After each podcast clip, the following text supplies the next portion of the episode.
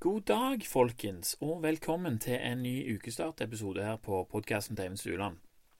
Eh, det jeg satser på her med dette, disse her ukestartepisodene, det er at du skal få noe å tenke på om mandagen, sånn at uka di kan bli litt mer spennende, eller i alle fall at du kan ha noe å tenke på og eh, kanskje lete etter eksempler på noe du har hørt. Mandagen er for mange en ganske kjedelig dag, ikke alle, men noen, og jeg håper at dette lite bidrag til å gjøre, gjøre uka litt mer interessant, da. At du får en liten god start på uka. Og ja, selv om episoden kommer ut på mandagen, så kan det være du hører på onsdag. Det er opp til deg.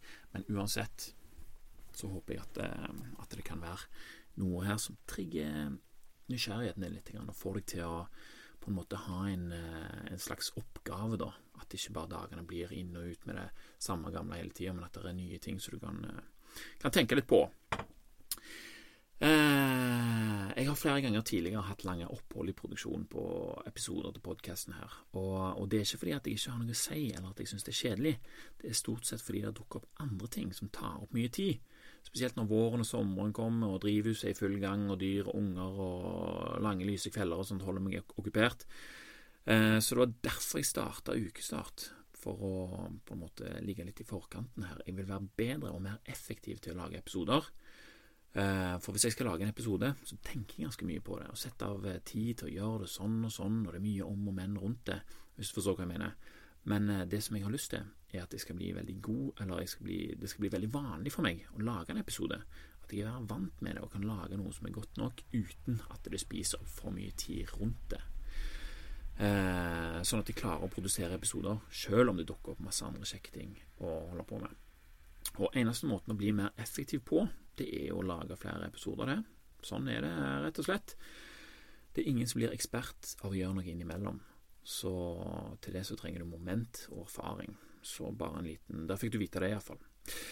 Eh, når det er sagt, så er det stort sett ikke mine ideer som blir presentert her. Det er andre mye smartere og klokere hoder som blir brukt som eksempel. Eh, og det kan dra både meg og deg litt grann høyere opp mot disse her som virkelig kan det. Vi kan lære mye av de som har tenkt gode tanker før oss. Det som Isaac Newton sa det, så klarte han å gjøre det han gjorde, fordi han sto på skuldrene til de som hadde lagt grunnlaget, som han sjøl kunne bygge videre på med sine egne ideer.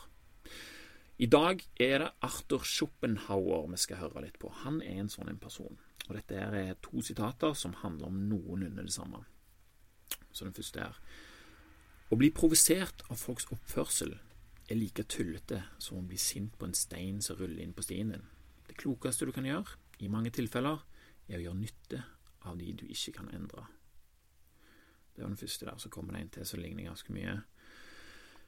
Så, hvis du må leve blant andre mennesker, bør du la alle disse få eksistere i samsvar med sin egen karakter.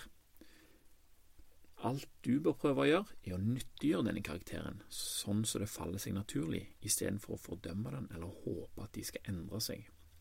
Dette er den sanne betydningen av lev og la leve, og den er like riktig som den er vanskelig å utføre. Hilsen Arthur. Så når jeg leste dette her første gang, så var det litt vanskelig å forstå egentlig hva det skulle bety. Eh, skulle jeg utnytte folk sine svakheter til mitt eget gode? Var det så hyggelig, liksom? Eh, og, var det, og, var det, det han mente? Men etter hvert som jeg tenkte over det, så dukket det opp flere eksempler som gjorde at jeg kunne forstå dette bedre. Og jeg tenker at disse sitatene her er delt opp i på en måte to forskjellige områder, eh, eller deler. En mild del som kan brukes til å takle hvordan folk oppfører seg generelt for den egen del. Sant? At vi kan jobbe med vår egen holdning til andres måter å være på, heller enn å jobbe med å endre den. Sant? Og Så har vi den andre delen, som ved første øyekast så ut til å foreslå at det, at det, er klokt å utnytte andre personer som ikke vet hva de holder på med. Det var den jeg hadde litt problemer med å rettferdiggjøre. Men uh, vi, kan, vi, kan, ta den milde først, så tar vi den andre etterpå. Jeg har jo sjøl mange tusenvis av ganger gjennom årene irritert meg på bitte små ting, store ting òg for så vidt, men små ting som ikke blir gjort sånn som jeg ville gjort det, for eksempel på jobb, hjemme, på bussen, i ferjekøen, hvor som helst. Eh, men jeg begynte i større grad å leve og la leve, som Arto sa. Og det han òg sa, var at det var vanskelig, og det fant jeg ut. Men etter hvert som flere episoder får spilles ut sånn som de faller seg naturlig, og jeg blir på en måte mer stående og observere det som skjer, så forstår jeg òg at det er like riktig, som han sa. La folk gjøre som de gjør, og jobb heller med egne tanker om hva det er som skjer.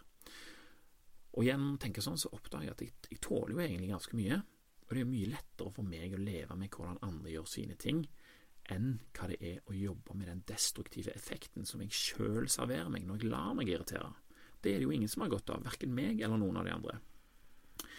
Så hvis du tenker over det neste gang du irriterer deg over en bagatell, hvor mye lettere det er å gjøre f.eks. en ting sjøl, da, sånn som du ville ha gjort det, istedenfor å bruke mye energi på å prøve å få noen andre til å forstå hvordan du vil ha det. Så for det neste som skjer, da, er jo at vi forventer at de har forstått det, og da er det så mange skuffelser vi legger opp til når vi tenker sånn. Sant? Jeg har jo sagt før nøkkelen til et lykkelig liv er lave forventninger. Men når vi vet at det er sånn, så er vi jo sjøl skyld i at vi blir irriterte. sant? Uh, og dette her er jo veldig nyttig lærdom som uh, vi kan uh, som jeg har hørt nå fra Arthur, så kan være veldig nyttig å, å ta med i våre egne liv. Men med så mange andre ting så er verken meg eller deg ferdig med saken bare fordi at vi har oppdaga det her, bare fordi at jeg leste det en gang, eller du har hørt det en gang. Altså, dette må øves på, nyanseres og tilpasses nye situasjoner hele tida. Og når vi først har liksom et bredt spekter av situasjoner der dette har skjedd, så vil òg nye situasjoner som skjer, kanskje passe inn, eh, eller at de ligner på de tidligere situasjonene. Og det er først da at det blir helt van, en helt vanlig del av hvordan vi tenker og oppfører oss. Og Det er jo det som er målet. Vi må trene hele veien, gjøre det om igjen og om igjen og om igjen for at det skal bli en, en eh, slags innebygd egenskap. da. Men så Den er jo enkel og grei å forstå. Men neste del er den delen som handler om å utnytte andres oppførsel for din egen vinning. Altså, Det var denne jeg sleit litt med å finne ut hvordan jeg skulle tenke om. Jeg syns jo ikke at det er så greit å utnytte folk sine svakheter, men òg her er det forskjell på situasjonene. Én ting er å tåle noe uforskyldt som blir gjort i beste mening, eller i alle fall uten at tanken er å irritere andre. Eh, men noe annet er når noen oppfører seg på en måte som er meint for å skade deg. Da er hanskene av, og vi kan se nærmere på hvordan vi kan få oppførselen deres til å gagne oss sjøl. Og et eksempel på dette her dukker opp i ei bok som heter Mastery. Eh, jeg skal ta litt mer om den etterpå. Men i den boka så sto det i alle fall om en som heter Daniel Everett. Det var en uh, person som tok på seg ekstremt en ekstremt vanskelig oppgave. Han bestemte seg for å flytte familien sin inn i dypeste Amazonas for å lære språket til en liten gruppe mennesker som bodde der, helt isolert fra omverdenen. Og det var mange som hadde prøvd før, i Guds navn som vanlig, men de hadde alltid gitt opp. Den siste misjonæren prøvde og ga opp etter ti år. Men Everett han var likevel motivert for oppgaven og, og flytta som sagt hele familien nedover da. Eh, når det kommer til språk og lingvister og sånne ting, så er det en som heter Chomsky, som er en veldig kjent lingvist, som har utarbeidet teorien om at alle språk har samme grunnstamme, grammatikk er en del av uh, vår innebygde genetiske kode. Og det var dette òg som var grunnlaget for hvordan Everett gikk fram for å prøve å lære seg å forstå dette her språket til disse, denne her folkegruppa.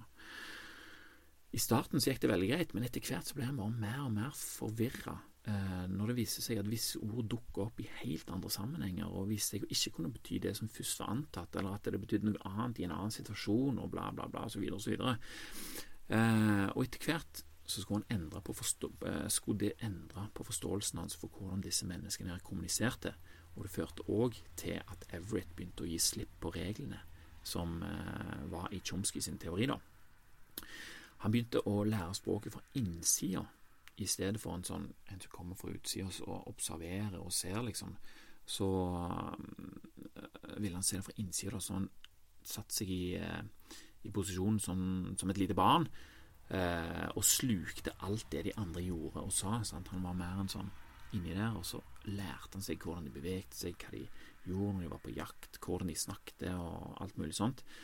Eh, og sakte, men sikkert så oppdaga han da at piranjafolket de baserte hele språket sitt på hvordan kulturen deres var, ikke hvordan innebygde eh, genetiske grammatikken, sånn som Tjomskij eh, tenkte. Han oppdaga blant annet at de, det som ikke befant seg foran øynene deres, simpelthen ikke eksisterte, og de hadde derfor veldig få ord som forklarte det som ikke var der og da. Farger, tall, høyre og venstre, det mangla, sant. De hadde ikke noe konsept for noe annet enn det som skjedde i øyeblikket, stort sett. Everett begynte å tenke at språk ikke har en felles grunnstamme, men at språk i større grad enn antatt baserte seg på kulturen til de som snakker. Så kom han ut av jungelen, da, selvfølgelig, og dette vakte jo stor oppsikt blant eh, lingvister, spesielt de som holdt til ved MIT, der Chomsky hadde sitt eh, virke. Og eh, som seg høre bør, så gikk disse her folka til verks for å diskreditere og svekke Everett og denne her nye teorien hans.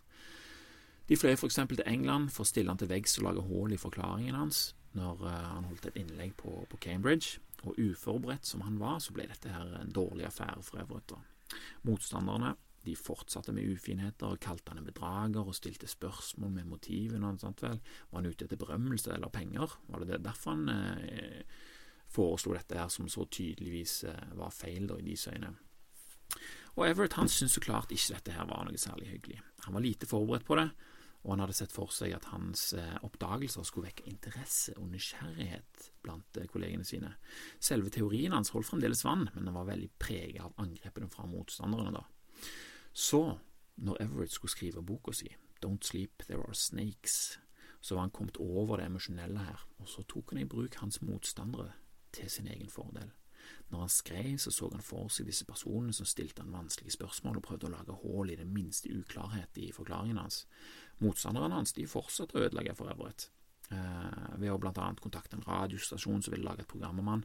Det programmet ble kansellert, og det ble også flere artikler om arbeidet hans.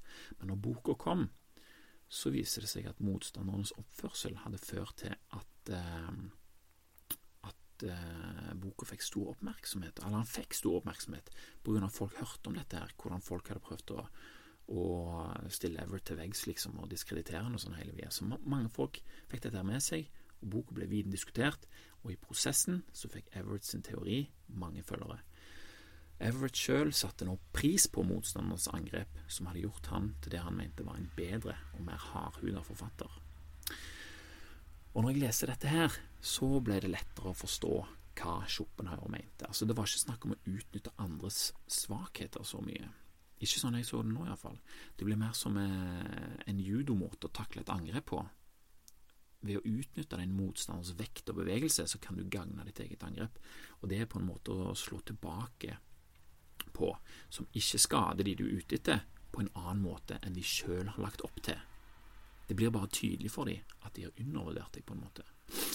Everett han skrev ei bok som hadde tatt høyde for både argumentene som ble brukt mot han, og de argumentene han så for seg at kunne bli brukt mot han.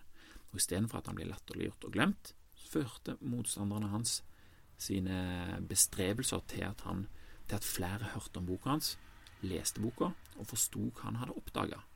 Og hva kan da de som prøvde å sverte Everett, tenke når de ser effekten av handlingene deres?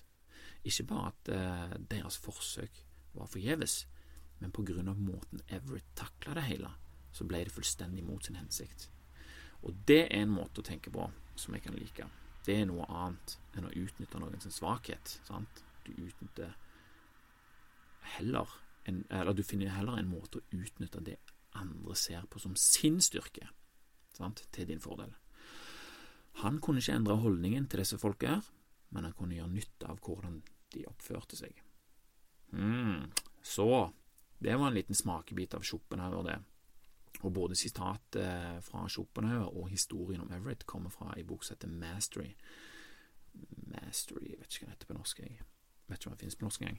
Men det er en bok som er skrevet av Robert Green, og det var på en måte bibelen min i mange år. Da. Det vil si at jeg alltid hadde med meg hvis jeg skulle ut og reise en plass, og jeg hadde alltid liggende på, på stua eller på, på nattbordet, sånn at jeg kunne slå opp igjen fullt av eh, mange sånne korte historier, eh, sånn som dette her, som gjør at du forstår noe veldig godt. Eh, jeg har hatt så mye bøker i omløpet i det siste at jeg har nesten glemt disse gode, gamle bøkene, og blant den Mastery, da.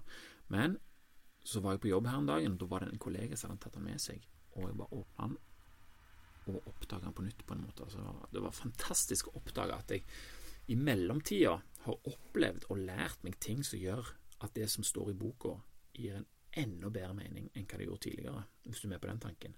Jeg finner alltid en god bit eller to å tenke på, og boka er stappende full av de, så jeg anbefaler den på det varmeste. 'Mastery' av eh, Robert Green. Mm, jeg tenker mye om, så kan det faktisk være at jeg skal ta en liten bokepisode om den, for den er helt soleklart på topp ti, topp fem-lista mi her. Ja. Eh, jeg blir alltid like overraska når jeg kommer til slutten av det jeg skal si. Jeg føler liksom jeg er så godt i gang, og så plutselig skal jeg begynne å si ha det, eller eh, takk for nå. Men uh, i, ja, i, utgangspunktet så tenkte jeg at disse episodene her skulle vare sånn fem-seks minutter. Men det var ikke så lett å få til det heller. Men nå vet du iallfall at det var det som planen, så hvis det kommer kortere episoder senere, så må du ikke bli lei deg eller skuffa. Det viktigste for meg er at jeg lærer noe av dette her, og at jeg sakte, men sikkert bygger min egen karakter på, på disse tingene her som jeg tenker på, og som jeg leser på. Og det er det jeg håper at du òg skal gjøre, siden du hører på her. Jeg vil gjerne si tusen takk til alle dere som er så hyggelige og gir meg tilbakemeldinger. Det er så vanvittig hyggelig å få vite mer om hvem det er som hører på, og hva dere tenker. Det gir meg virkelig god motivasjon til, til å fortsette. Så tusen takk til dere. Og ellers så kan du melde deg på nyhetsbrevet mitt inne på podkasten.no. Det er den eneste plassen du kan gjøre det. Og det er fordi at eh, da vet jeg at noen har faktisk gått inn på internettsida og meldt seg opp uten at det er noe sånn fristende tilbud eller noe sånt som har gjort det. Det er bare kun for de som vil, rett og slett. Og så finnes det òg en profil inne på patrion.com om du har lyst til å bidra med ekte dollars til at podkasten skal bli enda bedre. Ingen press, og overhodet ingen forventning.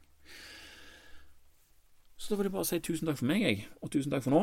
Og tusen takk for at du hørte på. Så snakkes vi neste gang.